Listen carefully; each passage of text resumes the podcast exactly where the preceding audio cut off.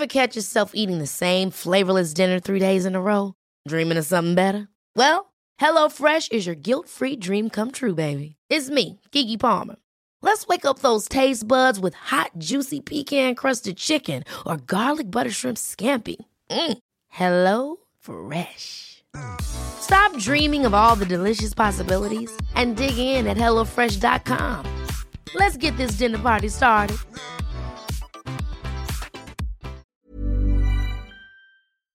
Ukas annonsør i Foreldrerådet er Ekstra. Det er grillsesong. Endelig. Alle dere som har fulgt meg gjennom en lang vinter, vet at jeg har nesten strøket med av kjedsomhet. Men nå kan vi spise ute, vi kan leve ute, vi kan henge ute, og vi kan grille. Ekstra har sitt største grillutvalg noensinne. Og hør godt etter nå. Her er en del av grillutvalget deres. Habanero-pølser, salsiccia-pølser, black aged pepper-pølser, cheesy bacon-pølser, beefy burger, cheesy burger, skinny burger, big beefy gourmet-burger, fiskeburger med hvitløk, fiskeburger med bacon-rødbet og søtpotetburger, soppburger, barbecue, grillfilet, svinenakke med oregano og tomat, urtemarinert fårefilet, brisket, eller brisket som det egentlig heter, T-bone steak, flank steak, tomahawk, laksefilet med pesto, laksefilet med sitronskampi med hvitløk og urter, crispy fiskeburger med ost, kyllingfilet med sitron og urter, kylling overlår, gyros, kyllingspyd, smoke barbecue, lårfilet av kylling og entrecôte. Takk for meg. Dette er bare noen av produktene i Ekstra sitt største grillutvalg noensinne, og kommer bl.a. fra Norges mest prisvinnende grillserie, Grill Perfekt.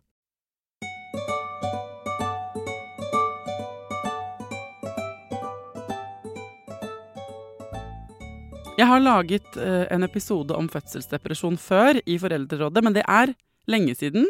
Og fødselsdepresjon er et så svært og så komplisert uh, tema at jeg mener vi trenger minst én, om ikke to, tre, fire eller ti episoder til om det. Så det prosjektet startes i dag, dere. Eh, hva er fødselsdepresjon? Hvordan vet du at du eh, har det? Hvordan fanger man det opp? Hva er forskjellen på å være nedstemt og deppa, eh, normal, lei seg, på en måte, og å være fødselsdeprimert? Er det mulig å forebygge det? Er det noe du kan gjøre for å unngå å bli deppa? Hjertelig velkommen til Foreldrerådet, folkens.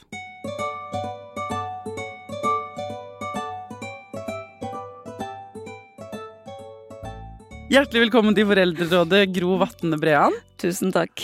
Du er psykologspesialist. Du er spesialrådgiver i seksjon for sped- og småbarn på RBUP øst og sør. Ja. Og så har, er du forfatter. ja, Og så har du privatpraksis på Institutt for tokologi og familiepsykologi. riktig. Er det noe mer da? Også styremedlem i Landsforeningen 1001. Yes. Du er styremedlem i en veldig god organisasjon, Landsforeningen 1001, som vi har snakket med i Foreldrerådet før. Riktig. Og du har også vært her før og snakket om um, fødselsangst og depresjon hos partner. Men det er lenge siden nå. Ja, absolutt. Eh, vi- må snakke om fødselsdepresjon, og jeg har lyst til å gjøre det grundig. Eh, så dette er en del én eh, i eh, en serie på i hvert fall to, om ikke flere episoder. Jeg har lyst til at vi skal lage en liksom, eh, serie om psykisk helse hos uh, fødekvinne. kjempespennende. Kan ikke du bare begynne liksom helt på toppen, Gro? Hva er fødselsdepresjon? Ja. ja, og når du sier fødselsdepresjon, så har jeg lyst, litt lyst til å kalle det fødselsreaksjon. Ok, Eh, vi er opptatt av noe som heter perinatal mental helse, som er liksom psykisk helse i de første 1001 dagene, allerede fra unnfangelse til barnet er to år. Der er mor kan mor være veldig, veldig sårbar. Og i løpet av hele denne perioden kan hun få ha psykisk strev på ulik måte. ja. Eh, og akkurat i overgangen til moderskapet så har vi liksom et begrep som heter matrescence, som er et gammelt begrep som ble utviklet på, på 70-tallet, som handler på en måte om de prosessene som alle kvinner egentlig går igjennom i, å, i det å skulle bli en mamma. Matrescence. Mm, Matrescence. riktig. På en måte, Sier man det på norsk? Matrescence? Man, man prøver å si det på fransk, men det er ikke så lett. Matrescence? Ja, så jeg liker å si overgangen til moderskapet, det er mye lettere. Ok, så i overgangen til moderskapet så skjer det noen ting. Da, skjer det, da er det på en måte store nevrobiologiske hormonelle endringer som gjør at vi blir mer sårbare. Mm.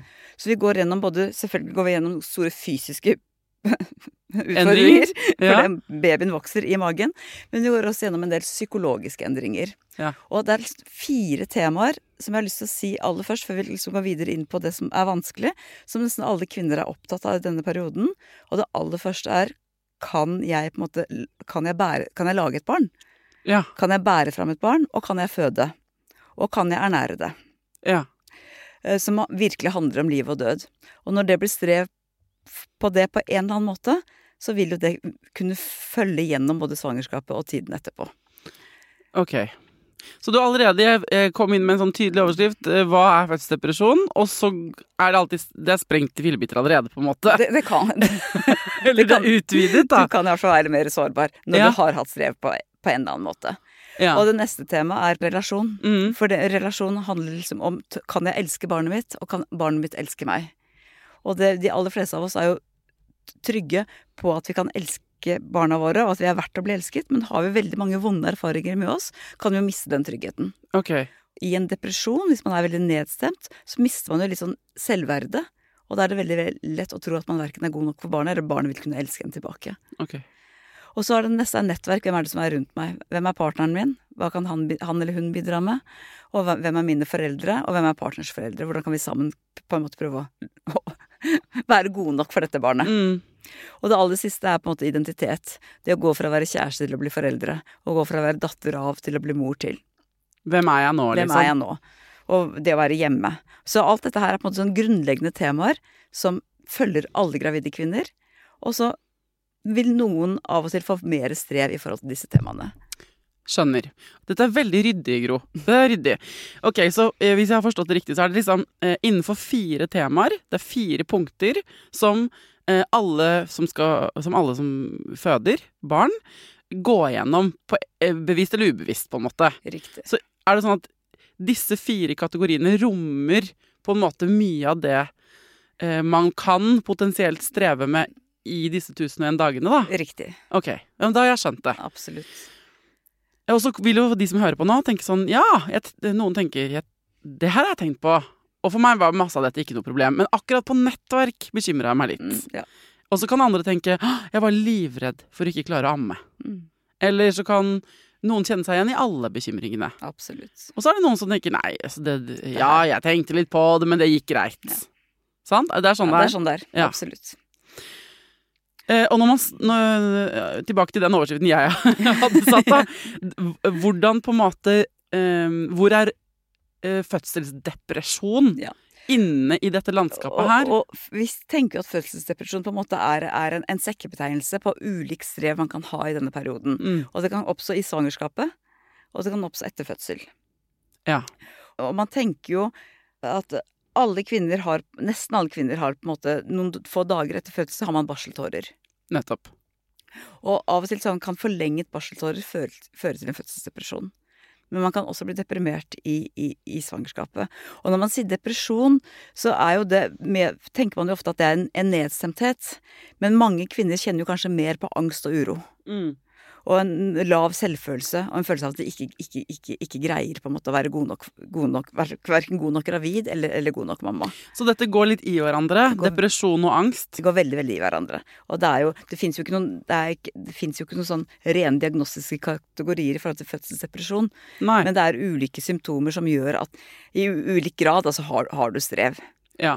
Å ha strev, men hvordan skille, går det an å skille det å ha strev fra det som er en klinisk fødselsdepresjon, på en måte? Det, og, ja, det, og det er jo det som er så vanskelig for kvinnen Ja. selv, og også for oss som skal hjelpe. Når er, når er liksom nok nok? Mm. Eh, For alle, har jo litt, alle kan jo kjenne på litt angst og litt uro. Ja. Og alle kan kjenne på nedstemthet og synes det er vanskelig å komme seg gjennom dagen, enten man er gravid eller har nyf nyfødt baby. Men når dette blir gjennomgripende, når det styrer hele dagen din, Mm. så trenger du hjelp. Og hvis du da i tillegg ikke får sove, Mm. så er du i stor risiko for å bli enda mer nedstemt, og du kan også være i risiko for å bli psykotisk. Ok. Så hvis vi skal eh, I dette landskapet, da, folkens, hvor det er en slags gradvis overgang, hvor du på den ene siden har I'm fine, alt går kjempebra, Mm. og på den andre ytterkanten har du psykose. Så har du da en slags sånn glidende, gradvis, litt ullen overgang eh, Kan du bare ta oss gjennom den skalaen? Du sier Ja. strev, litt strev. Ja, vi, vi har liksom laget, I Landsforeningen 1001 har vi laget noe som vi kaller løken. Ok. Og det er liksom den yt ytterste ringen på denne løken, de ytterste skallene, er det som alle kvinner går igjennom. Som er liksom overgangen til moderskapet. Så er det barseltårer, og innenfor der kommer li litt strev. Og det er liksom der man greier Man kjenner man er sliten, man syns det er deilig når partner kommer hjem og kan overleve, overlevere babyen til partner. Og Mm. kjenner kanskje kroppen sin og være litt alene en bitte liten stund. Men det går. Det er litt strev. Det det er litt strev, men litt angst og uro. Men det, er, det går helt greit å leve med det. Mm. Og så blir det på en måte mer moderat, og så går det videre til alvorlig strev.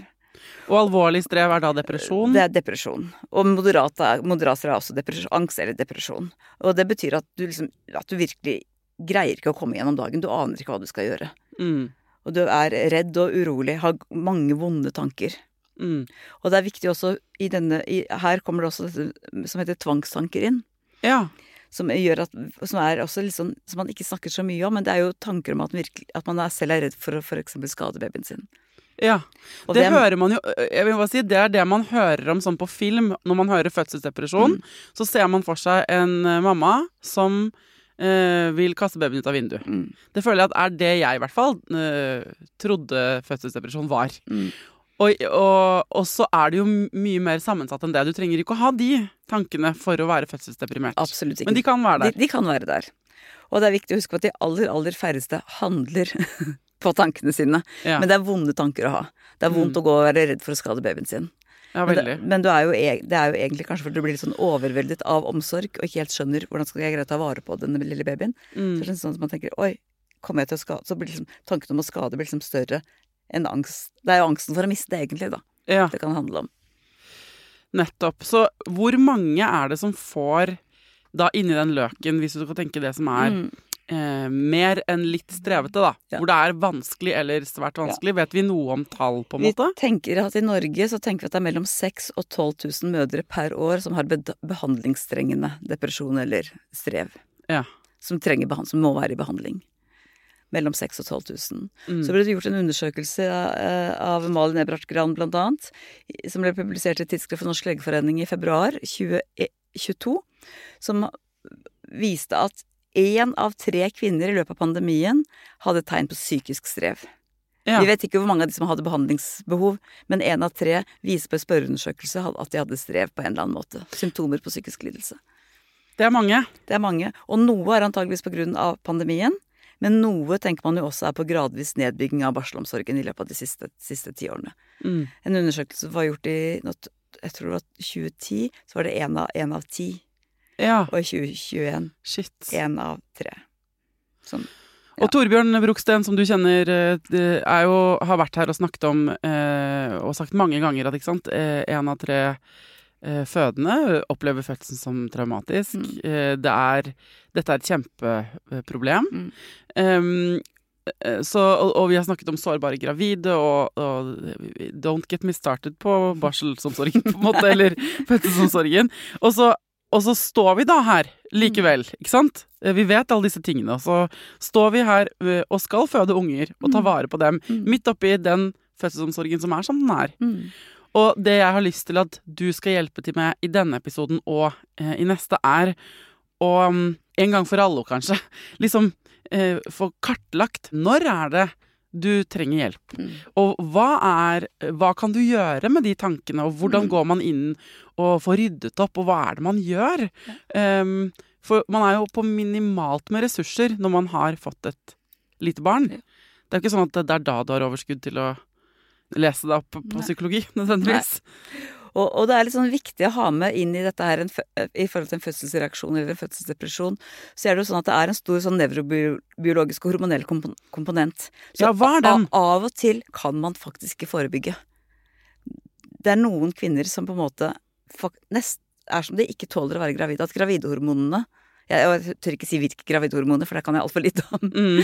Men det er liksom at disse gravidehormonene gjør deg, gjør deg mer, mer sårbar. Ja. Og det skjer jo også nevrobiologiske endringer, det skjer strukturelle endringer i hjernen, som er i de områdene som faktisk hjelper deg til å regulere følelsene dine. De, de, du, du, blir dårligere på å regulere følelser i løpet av svangerskapet og tiden etter fødsel. Dette gir mening. Egentlig for å møte barnet best mulig, men av og til så tipper det litt over. Jeg laget en episode som folk kan høre hvis dere er interessert i det, som er hvordan hjernen forandrer seg under svangerskap og, og øh, fødsel. Og hoveduttaket på en måte fra den episoden er at det er nettopp det du sier, at fordi vi skal være mer årvåkne og bekymre oss mer fordi vi er evolusjonært skal passe på den babyen, Mm, mm. så ikke blir spist av en bjørn eller noe sånt, Mm. eh, så uh, blir vi veldig på alerten.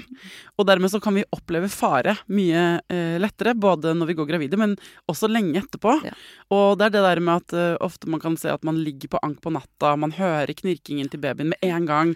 Der hvor partner kanskje bare sover gjennom natten, så er det fordi vi er skrudd på på alarmer, Ja. på en måte, hjernen. Jeg husker det selv, at jeg som er så lite sånn eh, nervete Skjønte ingenting. Hva er er det som skjer?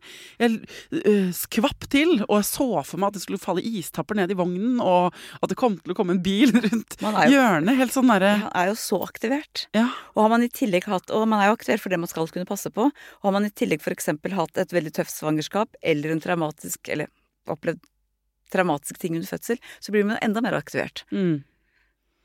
Så da dundres det bare på en måte signaler inn på den delen av hjernen som, sånn, eh, som vil holde deg i live. Og sier sånn Mm. Du må være sinnssykt forsiktig med alt, for det er masse farer som lurer rundt Ja, her. absolutt. Og så er ikke det nødvendigvis sannheten. Sant. Det er akkurat det. Og da får du ikke hvilt. Nei. Og da får du ikke hentet deg inn, og så blir det en ond sirkel. Og så blir det da viktigheten, apropos hva kan man gjøre, så blir det viktigheten av å ha noen rundt deg som du kan sjekke ut med er dette farlig eller er det ikke farlig. Mm. Ikke sant? Og også få lov til å, bare vite, og det vil variere fra kvinne til kvinne, når hun kan sove trygt. Mm. Hva, er det er trygt å sove, sover hun best sammen med babyen når babyen også sover? Eller er det sover hun best når pappa eller partner passer barnet? Eller sover hun best sammen med partner, at noen andre kanskje skal trille barnet? Mm. Men hvis vi skal ta det nå fra ikke sant? eh, Se for deg at det er, det er tusenvis av eh, kvinner da, som hører på denne episoden. Og så sitter de med ulike reaksjoner Mm, på å ha født. mm. eh, Eller på å være gravide. Og når du sier sånn Hva var det du kalte det? En fødselsreaksjon? Mm. Ja. Um, I det derre Det havet av kvinnefjes, så er det da I forhold til den løken, så er det Alle har en eller annen reaksjon på at de har Mm. født. Eh, Men de skiller seg veldig fra hverandre. Kan, hvis de nå skal sjekke inn med seg selv, eh, og ved hjelp av deg sånn sjekke om de eh, Om de burde søke hjelp, Mm. eller um, om de strever i det hele tatt. For det er kanskje litt vanskelig å innse at man strever òg. Ja, brukere har et sånt mantra i arbeidet med, med, med sårbare gravide, eller med alle gravide, som er angst og nytelse. Ok. Det er en, en, en fransk psykoanalytiker som sa for mange mange år siden at for at, for at en mor skal bli til, så må hun gi avkall på kontroll og la, la angst og nytelse komme. Wow, det var fransk, ja. Så det å skape en balanse mellom angsten og nytelsen Har man ingen gode øyeblikk med baby, eller med, eller med babyen i magen, har man ingen tanker at 'dette får jeg til', 'oi, så fin han er', 'dette er kjempegodt', ingen tanker i det hele tatt om at noe er godt, så trenger man hjelp. ja. For noe godt skal det være. Mm. Og da må man kanskje få hjelp til å, å se, se det gode, eller stole på at det gode er der. Mm. Og kanskje få hjelp til å stole på at babyen faktisk vil overleve. ja. For det å miste det er, Man er jo veldig, ofte veldig redd for å miste. Både i magen og tiden etterpå. Og er man på en måte altfor lykkelig, har man ingen, ingen fantasier om at noe kan gå galt, så vil jo også verden kanskje bli veldig skummel. Da kan det også bli litt vanskelig. for det Da blir du en jackass, på en måte. det er jo krevende å være mamma. Ja. Ja, eller pappa. Ja. Ja, altså, ja, sånn at Hvis du ikke har noen bekymringer eller ikke er logget på at dette her kommer til å kanskje bli litt Ja. tøft, så stiller du utrolig svakt når den Når- motstanden kommer. Når natten kommer og du ikke får sove i det hele tatt. Ja. For eksempel. ja, Så man må finne liksom en balanse der, ja, Ja. hvor man bekymrer seg helt passe Ja. adekvat. Helt passe adekvat. Og når er det? Det er jo, det, Ja, det er jo veldig vanskelig å vite. Og, og mitt råd er jo liksom at vi må tørre å snakke med hverandre. At kvinnen Man, man snakker med partner, man, man kanskje snakker med, med foreldre, med venner. Hvor, man virkelig liksom Hvor ille har man det egentlig? Litt ille er det er helt greit, men når det liksom blir for mye, så må man ha hjelp. Men ikke sant, nå se for deg dette havet av tusen kvinnefjes, eller tusenvis av kvinnefjes. Eh, fordi jeg kjenner meg igjen, og nå er det 12 og et halvt år siden, eh, snart 13 år siden jeg fikk barn. Men jeg kjenner meg altså så igjen i å ikke helt klare å værmelde hvordan jeg hadde det. Eh, fordi hvis du spurte meg går eh, hvordan har du det? Nei, Jeg kunne både svart Jeg er helt på felgen. Jeg, skjønner, jeg føler ikke at jeg får til noen ting. Jeg får ikke sove. Jeg gråter hver dag. Eh, jeg, jeg føler meg som det eneste mennesket i verden som ikke får dette til. Mm. Men jeg hadde kunnet svare det med et fjes og eh, eh, formuleringsevne. Sånn at du ikke kanskje trodde at det var så ille. Mm. Og så ville jeg også kunne svart sånn Men det går jo greit, og sånn her har det jo folk gjort i tusenvis av år. Mm. Og herregud, akkurat nå er den veldig god, den kaffekoppen her, så Og jeg tenker liksom at du, hvis, hvis du har den første, første versjonen din, eh, så er det jo viktig å sjekke ut Men er det også noe godt i det? Ja, Og og så da kom, kommer dag nummer to. Ok, eh, Hvis man også kan si at ok, men det går jo egentlig greit. mm, Da er det kanskje ikke så alvorlig. Men når du hver dag kjenner på manglende mestring, hver dag kjenner på angst og uro, hver dag gruer deg til å stå opp, mm, hver dag gruer deg til å være alene med babyen, og hvor en trilletur på en måte ikke er godt i det hele tatt, mm, da bør man snakke med noen. Ja. Jeg tenker i retrospekt at jeg nok strevde mer enn det jeg trodde jeg strevde. Men jeg trodde at fødselsdepresjon var at du ville drepe ungen din. Mm. Så det hadde jeg ikke. Men jeg hadde et eh, tungsinn Mm. og en søvnløshet Mm. og en følelse av at jeg ikke fikk til livet. Eh, som, og jeg fikk ikke til amming. Og jeg følte ikke at de fikk de parforhold. og så det var, når jeg ser tilbake på den perioden, så kan jeg jo også i ettertid ha eh, skamme meg over at jeg ikke koste meg mer. For det Mm. kommer inn som et element, for alle sier nettopp Men er det ikke noe godt? Mm. Kan hyggelige mennesker rundt deg si, sier du Mm.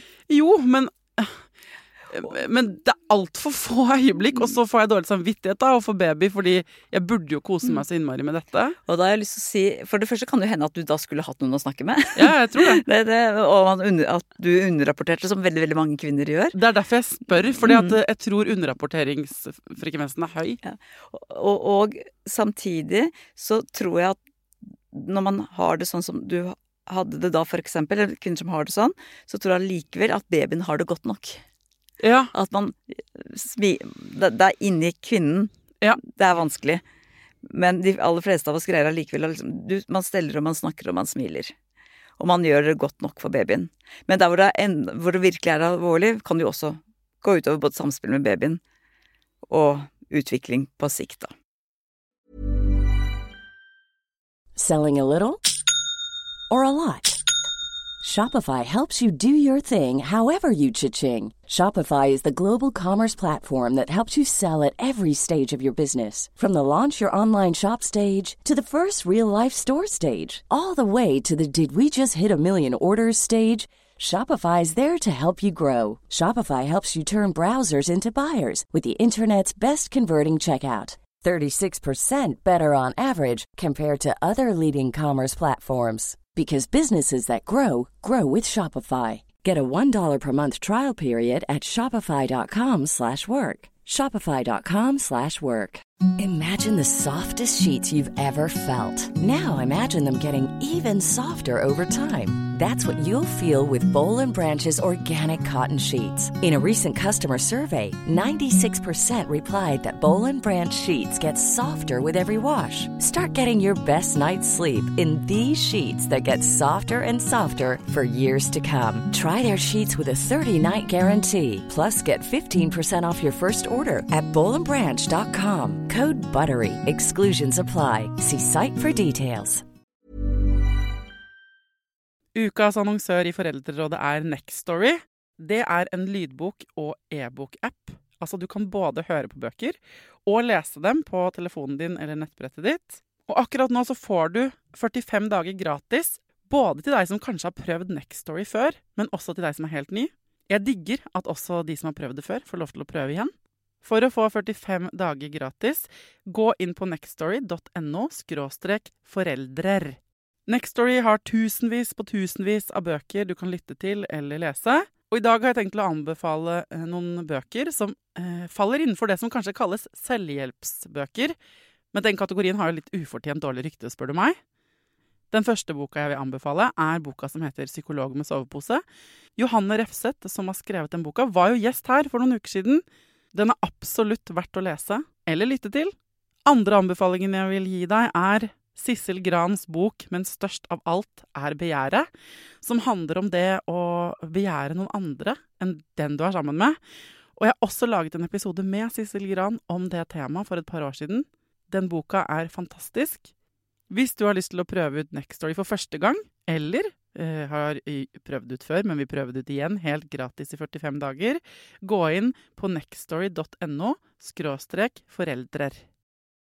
Ja, den skammen som kan dukke opp, som jeg eh, tenker på her, er også den skammen Ikke fordi jeg ikke trodde Tidemann hadde det bra, men det er en skam over at jeg ikke er en sånn kvinne som koser meg mer Mm. med dette. Og hvorfor kan vi ikke snakke mer om det? Ja, og, og vet du hva? Eh, Dypest sett så tror jeg den opplevelsen var grunnen til at hele denne podkasten startet. Mm. Fordi jeg trengte å snakke mer om alle de delene av det Ja. som jeg ikke opplevde på den tiden, i Mm. hvert fall at noen snakket om. Mm. Eh, sånn sett så førte det jo mye bra med seg, det kan man jo si. Men, men tilbake til de som sitter da i denne salen og bare vurderer det, ikke sant. For du, eh, du kaster jo ballen tilbake og sier men strever du litt, eller strever du mye? Mm. Og hvordan skal man vurdere det? Jeg skjønner at hvis du ikke fungerer i livet ditt i det hele tatt Og ja, Ja.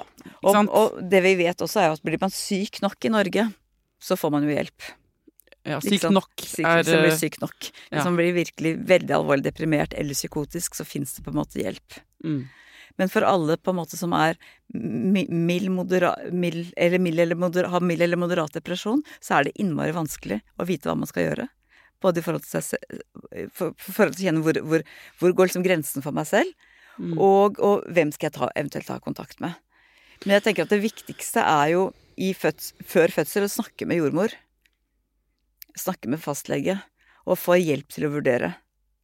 Og etter fødsel det samme snakke med jordmor, helsesykepleier og fastlege. Og prøve å sjekke ut litt Er det sånn at jeg virkelig trenger hjelp? Og får man kjenne at man, man trenger hjelp, og ikke blir møtt på det, så er det dessverre sånn at man må prøve å spørre igjen. Eh, og det som er så frustrerende med psykisk helse, er at man, man kan kanskje tenke sånn Ja, men helsevesenet tar jo vare på oss i alle bauger og på mange måter gjør det det. Men som du sier, så må du bli syk nok. Og hvis du eh, Det irriterende her er at hadde du fått hjelp før du ble kjempesyk, da, Mm. Så hadde du ikke blitt kjempesyk. Men du har ikke, det utløser ikke nødvendigvis eh, hjelp før du har blitt ordentlig dårlig. Eh, vi skal snakke mer om hva du kan gjøre i den mm. gråsonen før du blir ordentlig syk.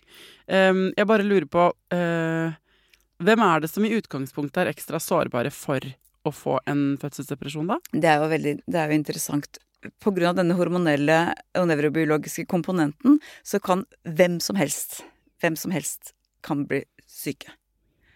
Uavhengig av hvilke erfaringer vi har med oss. Men så vet vi at, at jo har vi med oss krevende erfaringer fra tidligere, har vært utsatt for overgrep, traumer, eh, har, har, har på en måte hatt tidligere depresjoner, har eh, hatt, eh, hatt, hatt angstproblematikk tidligere, eh, har dårlige parforhold, har dårlige relasjonelle erfaringer, er man jo mer utsatt for å bli syk.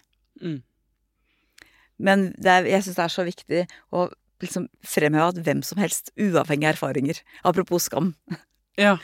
Vi, så vi kan ikke nødvendigvis forutse hvem som skal bli syk. Men vi bør på en måte, hvis man har psykisk uhelse, har familie, mødre eller søstre, eller farmødre, nei ikke farmødre, men mormødre, som på en måte har vært bipolar, vært alvorlig deprimert eller vært psykotisk, så er det større risiko for at du skal få en reaksjon i forbindelse med fødsel. ja. Så må man, det, det, må man, det er faktisk litt viktig å vite om, for da kan man planlegge og legge til rette for hvordan svangerskapet og fødsel og barseltid skal være. ja. For mye av dette er man på en måte på den al alvorlige siden, så kan man få medisiner som gjør at det blir mye lettere å håndtere. Både svangerskap, bars, fødsel og barseltid. Eh, jeg var sammen med søsteren min i går. Yngstesøster. Hun har to barn. Og eh, begge hennes svangerskap har, eh, har hun blitt hun, Vi snakket om det i går, at hun blir et annet menneske. Hun, hun blir så hormonell og skjør og sårbar. Hun er psykiatrisk sykepleier, så hun forstår veldig mye av det som foregår. Men det er jo det samme som at man kan forstå at man har PMS, hvis man ser på kalenderen, på en måte, hvis man er Ja. plaget av PMS. Men samtidig så river jo de følelsene, sjela di, i stykker, på en måte. Du kan forstå så mye du vil, men det er jo inni deg Det er jo inni deg. uh, og så vi snakket litt om det, for, uh, fordi mamma uh, var, kan ikke huske at hun var sånn da, med, da hun var gravid med noen av oss tre. Mm. Og jeg husker at jeg var veldig skjør, jeg òg, i mitt eh, dette ene svangerskapet jeg har hatt. da. Um, så Og vi har alle fått gutter. Og så sa mamma Så vi snakket om Det er kanskje en myte, men at det, jeg har hørt fra mange steder at hvis man går gravid med en gutt, så er det verre eh, enn hvis man går gravid med en jente. Det er en myte, men jeg vil bare teste den med deg. Ja, jeg vet ikke. Hei? Men det er jo noen som sier at liksom, i forhold til hormonelle forskjeller i, i gutt, og jentebabyer Men jeg, jeg har hørt det motsatte, da, at man oh, ofte ja. er mer kvalm og uvel Med gutter. med jentebabyer Nei, med enn med guttebabyer. ja.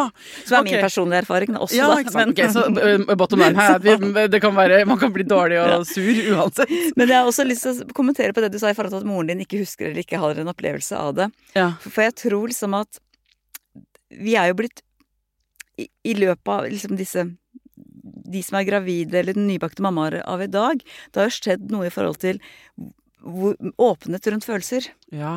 Sånn at For det første kan jo noen ha hatt helt fantastiske fødselsopplevelser på 60-, 70-, 80- og 90-tallet. Mm. Og at det, er, at det er Det, fins jo også mange som har det kjempebra også når de føder i dag. Mm. Men jeg tror også at vi kanskje er blitt mer At kvinner som føder i dag, har på en måte blitt mm, tryggere på, på å kjenne på mer krevende følelser. At det er lov til å snakke om mer krevende følelser. Mm. Det er liksom den ene biten som jeg tenker er annerledes. Man, hører, for man, det er veldig mange kvinner som jeg snakker med, som sier at 'mamma syntes det var helt greit'. Liksom, ikke sant? Ja. Ja. sånn. Og akkurat det du sier, at jeg har mødre som oppleves hadde, ikke husker at sine egne fødsler var krevende i det hele tatt. Så noe kan på en måte ha noe med fokus på hvordan vi forholder oss til våre egne følelser å gjøre nå. En annen ting er dette med om- barselomsorg.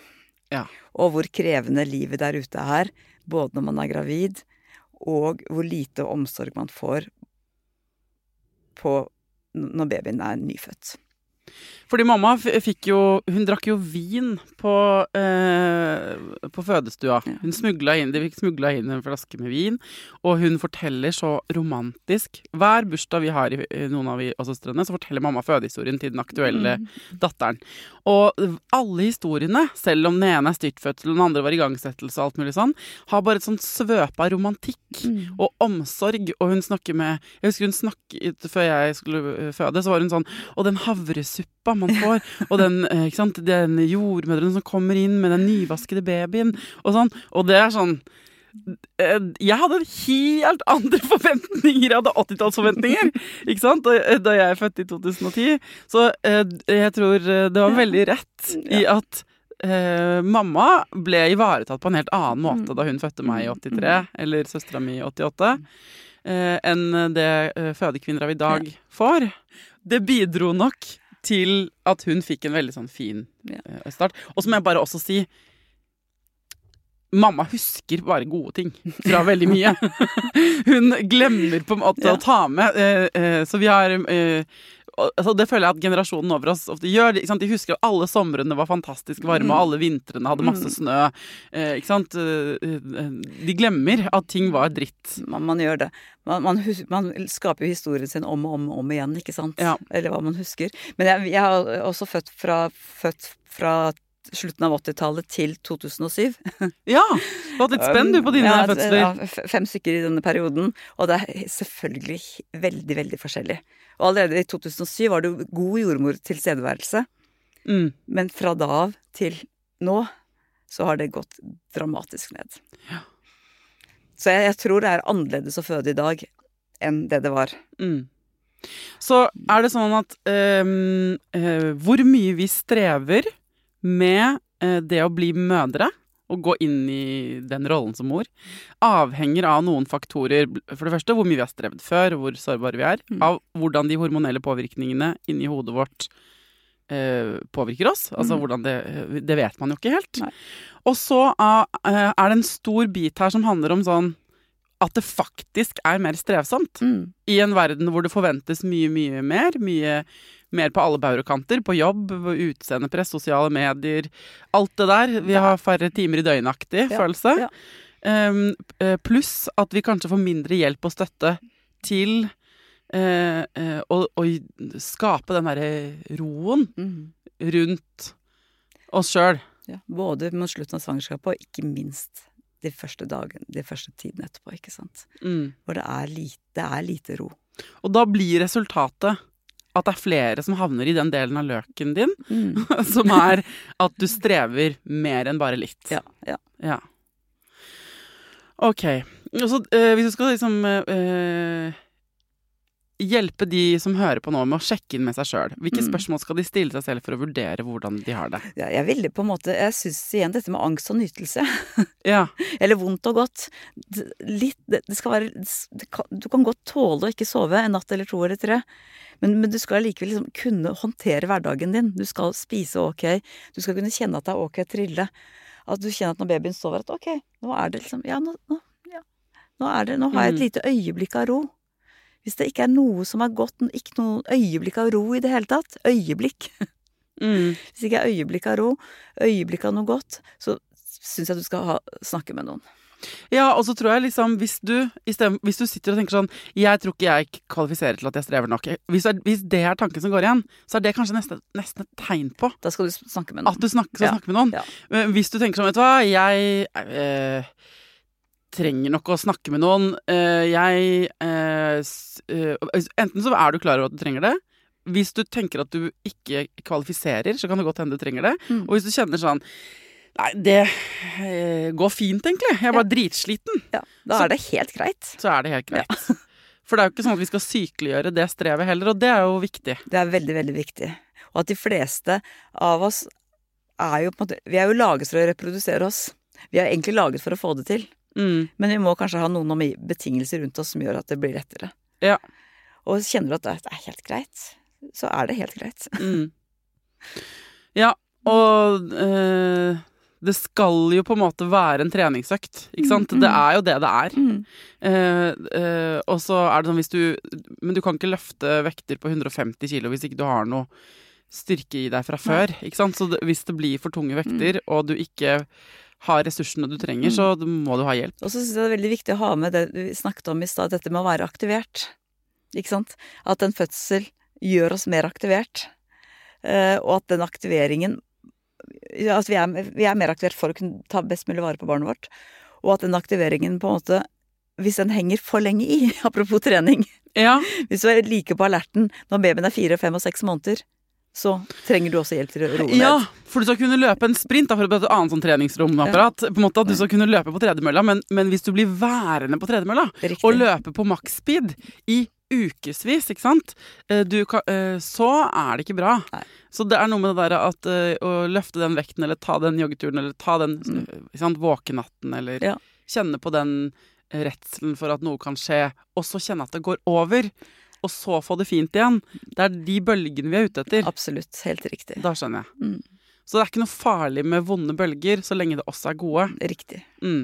Men å stå i eh, storm over tid, lenge, hvor det, det, er, det er- vanskelig. Det er vanskelig, og det er vondt. Og det gjør liksom at både, både baby, mor og partner mister på en måte en ganske viktig periode i livet. Hvis man har det vondt for lenge. Og ofte så skal det så veldig, veldig, veldig lite til før man får det litt bedre. Kan du si noe mer om hva er konsekvensen, eller hva kan konsekvensen av det være hvis man blir stående i den stormen for lenge? Hvis man blir stående i stormen for lenge, så kan jo mor kjenne på veldig, veldig, veldig mye sorg og skam over at hun har mistet, liksom, liksom du sa, at hun ikke nøt bedre denne første tiden med babyen. Eh, Men, og det kan man jo leve med, det kan jo, man jo bearbeide. Men det man vet i forhold til I store populasjonsundersøkelser så vet jeg at hvis mor på en måte har hatt, vært, hatt mye stress, vært alvorlig, vært deprimert over lengre tid, så kan det også påvirke på en måte barnets utvikling. Ja. Det kan bli vanskelig, vanskeligere med tilknytning, at mor ikke stoler nok på, som vi snakket om i stad, at barnet er glad i henne, eller at hun er glad nok i barnet, som gjør at hun kanskje kan avvise det litt.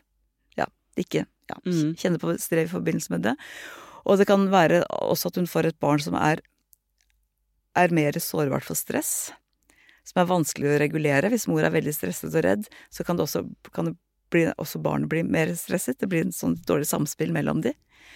Og i store undersøkelser viser det også at barnet på en måte kan få kognitive og emosjonelle vansker over tid. Men vi kan ikke knytte fra den ene mammaen til den ene babyen, for det er jo så mye annet som skjer i barnets liv. Mm. Men, og det er på de store undersøkelsene, men vi snakker om det for å få bevissthet rundt at god nok omsorg er viktig i denne perioden. For da kan vi forebygge. Ja.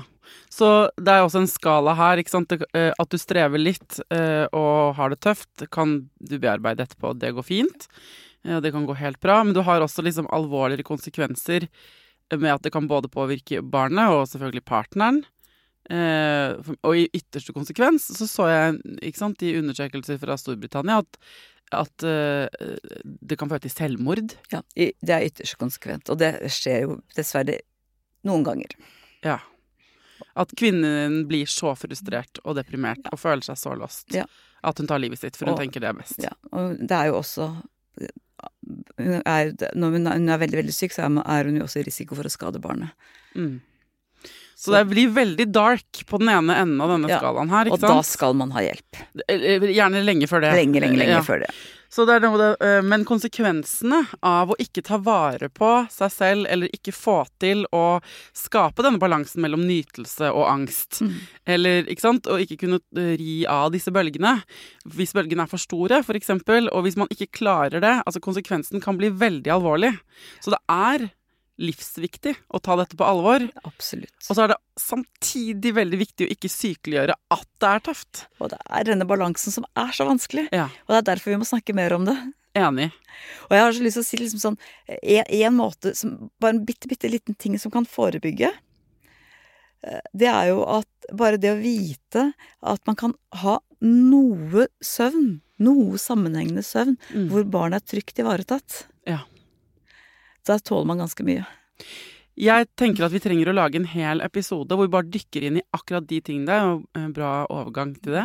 Eh, men vi, hvor vi kan sette oss ned, og så kan eh, gi deg liksom i oppgave neste gang å komme med bare Hva er alle de tingene vi kan gjøre? Hva er det disse som nå, av de tusenvis av kvinnene som hører på, som tenker jeg strever, og jeg, strever, jeg trenger litt hjelp? Kanskje ikke profesjonell hjelp, kanskje jeg gjør det. Men jeg trenger at Gro gir meg alle hennes verktøy. så hvis du kan forberede en sånn verktøykasse, så uh, kan du komme tilbake. Og så blir del to litt sånn herre Kan vi måtte bare dele ut verktøy over en lav sko? Høres bra ut. Ok. Så for å uh, avslutningsmessig bare oppsummere litt, Gro, så får du bare korrigere meg. Det er sånn, folkens, at følelsessenteret ditt, altså uh, emosjonene dine, de skrus på maks når du skal få et barn. Og det er en uh, hormonell komponent inni hodet ditt òg, som du ikke har noe kontroll over, som skrur til det der. så det er veldig vanlig at det blir høye bølger og svingninger, og at du kjenner at du lever, kan man jo si. både på godt og vondt. og så er det sånn at for noen av oss så blir det strevet såpass tøft at det kan bli ordentlig tungt over tid. Og du trenger ikke en leges to streker under depresjon klinisk for å ha rett og god grunn til å jobbe med de følelsene. For uansett hvor på den skalaen du er akkurat nå, så er det det du føler, og det du strever med, som er viktig. Ikke sant? Så um, um, i en verden hvor vi får litt mindre av den omsorgen og roen, og litt for mye av det presset, ikke sant? så er det ekstra viktig at uh, vi, uh, du sjekker inn med deg sjæl og dine egne følelser. Og heller, jeg mener, mitt private tips da, fra eget liv, heller anta at du er litt deprimert. Tørre å tør å kalle det det, enn å ikke gjøre det. For det er mye større risiko på at du, hvis du overser og trykker det ned, Mm. enn hvis du tar det litt hvis du tar det på alvor, og du ikke trengte det, så Ja, men da er du ordner opp i det, da. Det er kjempepoeng. Å snakke om følelser er jo aldri farlig. Nei. Det kan føles sånn, men, Ja. men, det, men det er ikke Det det. er ikke skadelig. Ok, Så hvis du sitter med ulik eh, grad av bekymring eh, og kjenner deg igjen i noe av det Gro forteller, eller noe sånt, og lurer på om du burde søke hjelp og snakke med noen, så er anbefalingen da skal du gjøre det. Og er det helsestasjonen eller fastlegen, om det er en jordmor du kjenner, eller om det er en god nabo, venninne, noen i barselgruppen eller partneren din, noen skal du ringe til eh, og sette deg ned med og snakke med. Eh, For det koster ingenting i utgangspunktet. Absolutt ikke. Eh, og det kan være veldig mye verdt. Ok, men Da gjør du deg klar med den der verktøykassa, og så ses vi igjen eh, og gir folk alt det de trenger, Gro. Tusen takk for at du kom. Tusen takk for meg.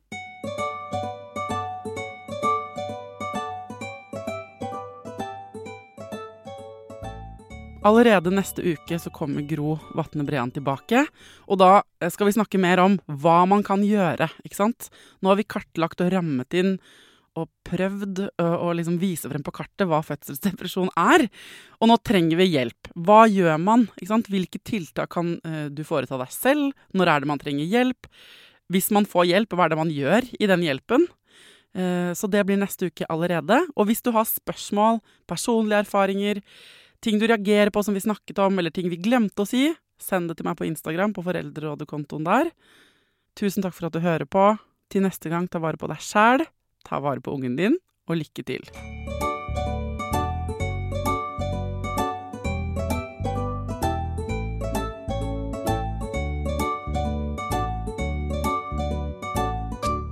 Produsert av Klinge.